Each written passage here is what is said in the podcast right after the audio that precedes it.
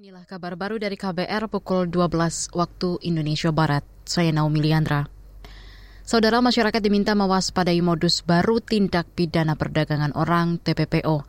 Itu disampaikan Deputi Bidang Perlindungan Hak Perempuan di Kementerian Pemberdayaan Perempuan dan Perlindungan Anak, Ratna Susianawati saat peringatan Hari Anti Perdagangan Orang Sedunia. Ratna memaparkan pelaku perdagangan orang kerap memanfaatkan teknologi untuk proses rekrutmen dan periklanan.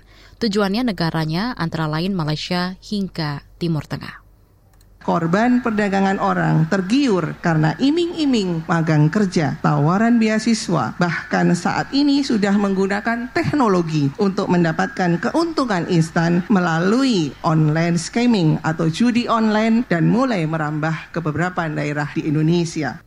Deputi Bidang Perlindungan Hak Perempuan Ratna Susianawati mengatakan salah satu faktor penyebab perdagangan orang adalah ekonomi dan kemiskinan.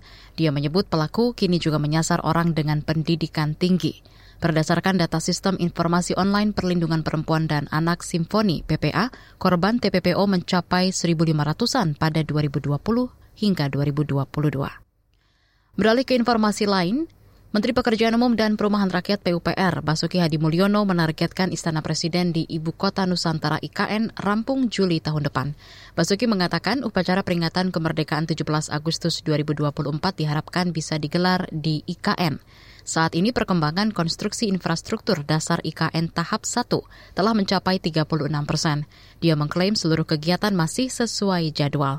Kata dia Kementerian PUPR bakal fokus ke pengembangan kawasan inti pusat pemerintahan KIPP di zona 1A.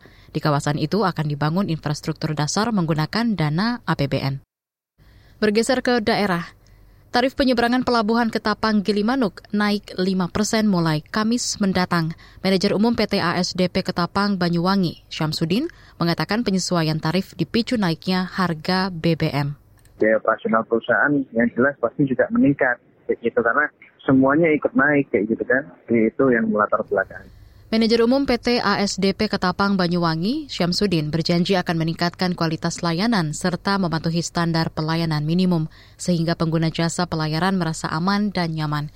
Tarif baru penyeberangan Ketapang Gilimanuk untuk pejalan kaki naik dari Rp9.600 menjadi Rp10.600 kendaraan pribadi naik dari 199.850 menjadi 213.400 rupiah.